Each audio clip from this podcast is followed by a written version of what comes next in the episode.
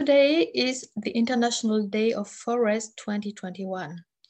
This year's theme is Forest Restoration, a Path to Recovery and Well-Being. To celebrate with us on France Cap Woden, we are pleased to welcome Professor Berg of the Linnaeus University.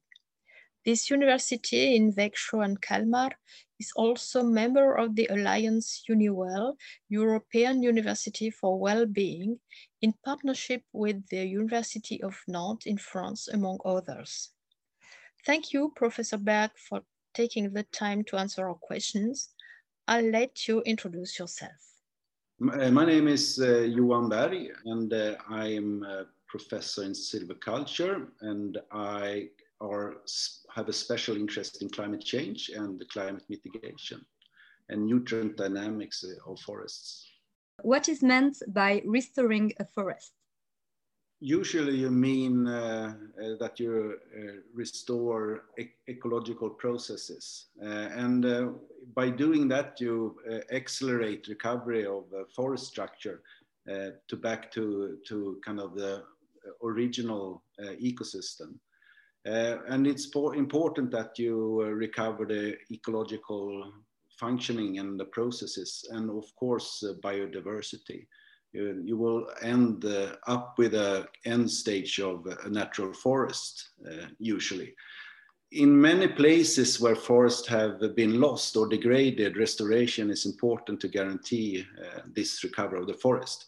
Sometimes it's not possible to restore a forest back to the original forest because it takes so long time and it's not had the kind of right environmental possibilities to do so.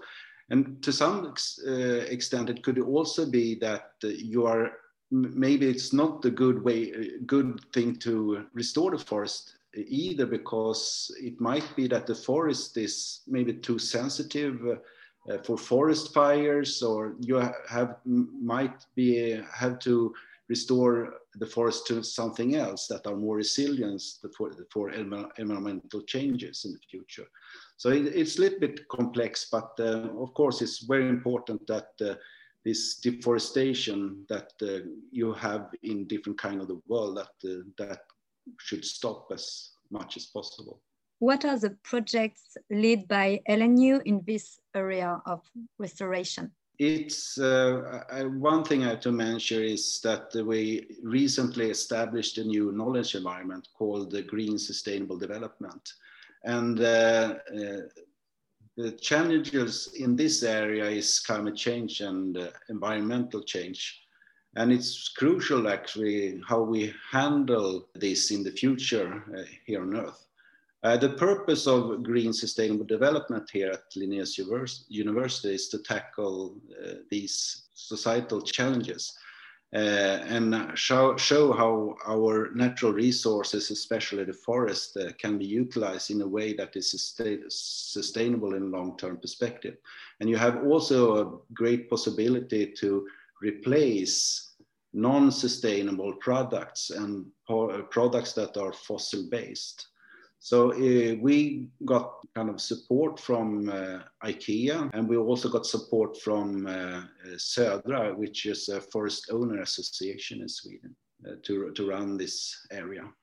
What project do you have with uh, French partners? Well, we have no direct uh, collaboration yet, but I know that, for example, University of Nantes, uh, they are working at sustainable development, and I'm sure that we will find both projects within research and in education uh, where we could exchange students, for example. Uh, we could have uh, common EU applications together, for example. Uh, and I think also that we could start to, develop uh, education together that uh, you can, might be the first year in Nantes and the second year you might be in England and the third year in Sweden. So, so we use our strength and make different educations pro education programs both on candidate and on master level together. Think it's a really good opportunity to de develop different collaboration between France, uh, Sweden, but also other uh, universities and countries within this UniWell project.